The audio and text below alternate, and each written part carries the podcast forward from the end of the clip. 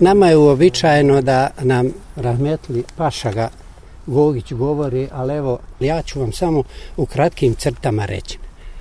Nakon dvogodišnje borbe partizanskih jedinica stekli su se uslovi da se vlast organizuje u nekom okrupljavanju, u obliku okrupljavanja oni narodno-slobodlački odbora tamo. Osnov svemu je bilo prvo zasjedanje Avnoja u Bihaću 26. i 27. novembra 1942. godine. Dakle, to je osnova za, sve, za sva antifašistička vijeća koja su se održala po republikama, naročito naša tri e, zavnobih. Prvo zasjedanje zavnobih održano je dakle 25. novembra 1943. godine u Mrkonjić gradu. Tana, tada su donesene vrlo bitne odluke za koje mi manje više znamo, ali ću vam napomenuti jednu bitnu stvar – radno predsjedništvo su predstavljali Vojislav Kecmanović, predsjednik, jel de? Hasan Brkić, sekretar, a članovi su bili Đuro Pucar, Avdo Humo i Aleksandar Peka. Na tom zasjedanju odabrano je 58 delegata za Avnoj koji će uslijeti nakon četiri dana u Jajcu. 31 član predsjedništva je odabran na tom zasjedanju da predstavlja Bosnu i Hercegovinu, a vidjet ćete zbog čega je to sve tako. Prisustvova je 147 delegata, 173 su imala pravo glasa.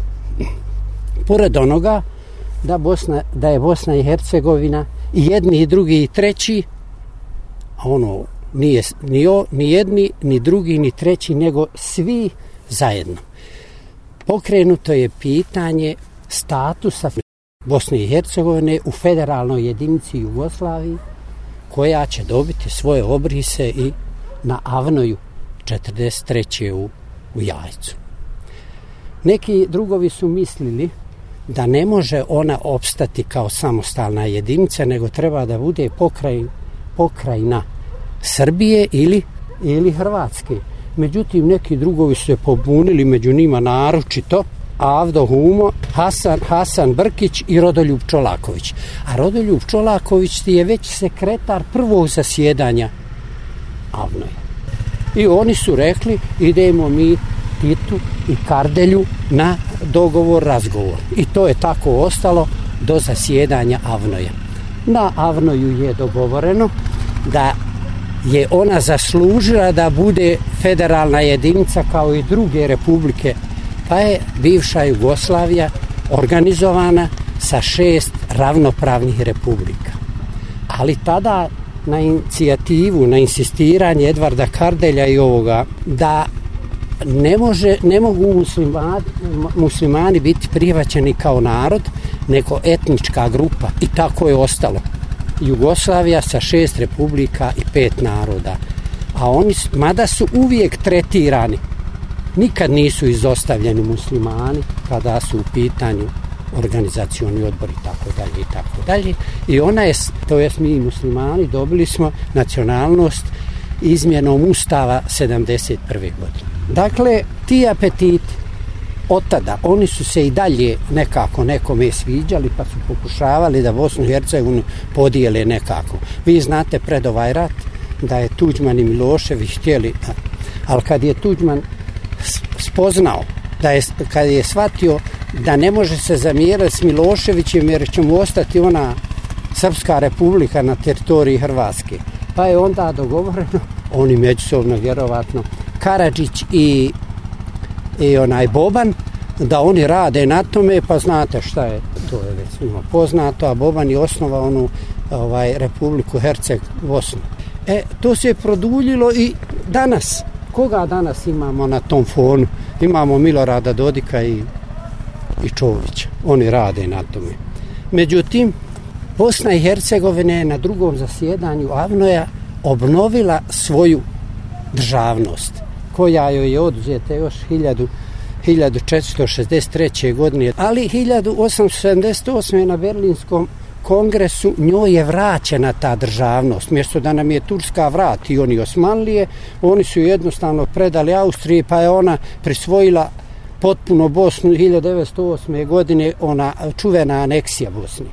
Na ovom drugom zasjedanju njena državnost je obnovljena i zato nema pravo niko da postavlja pitanje u vezi s tim.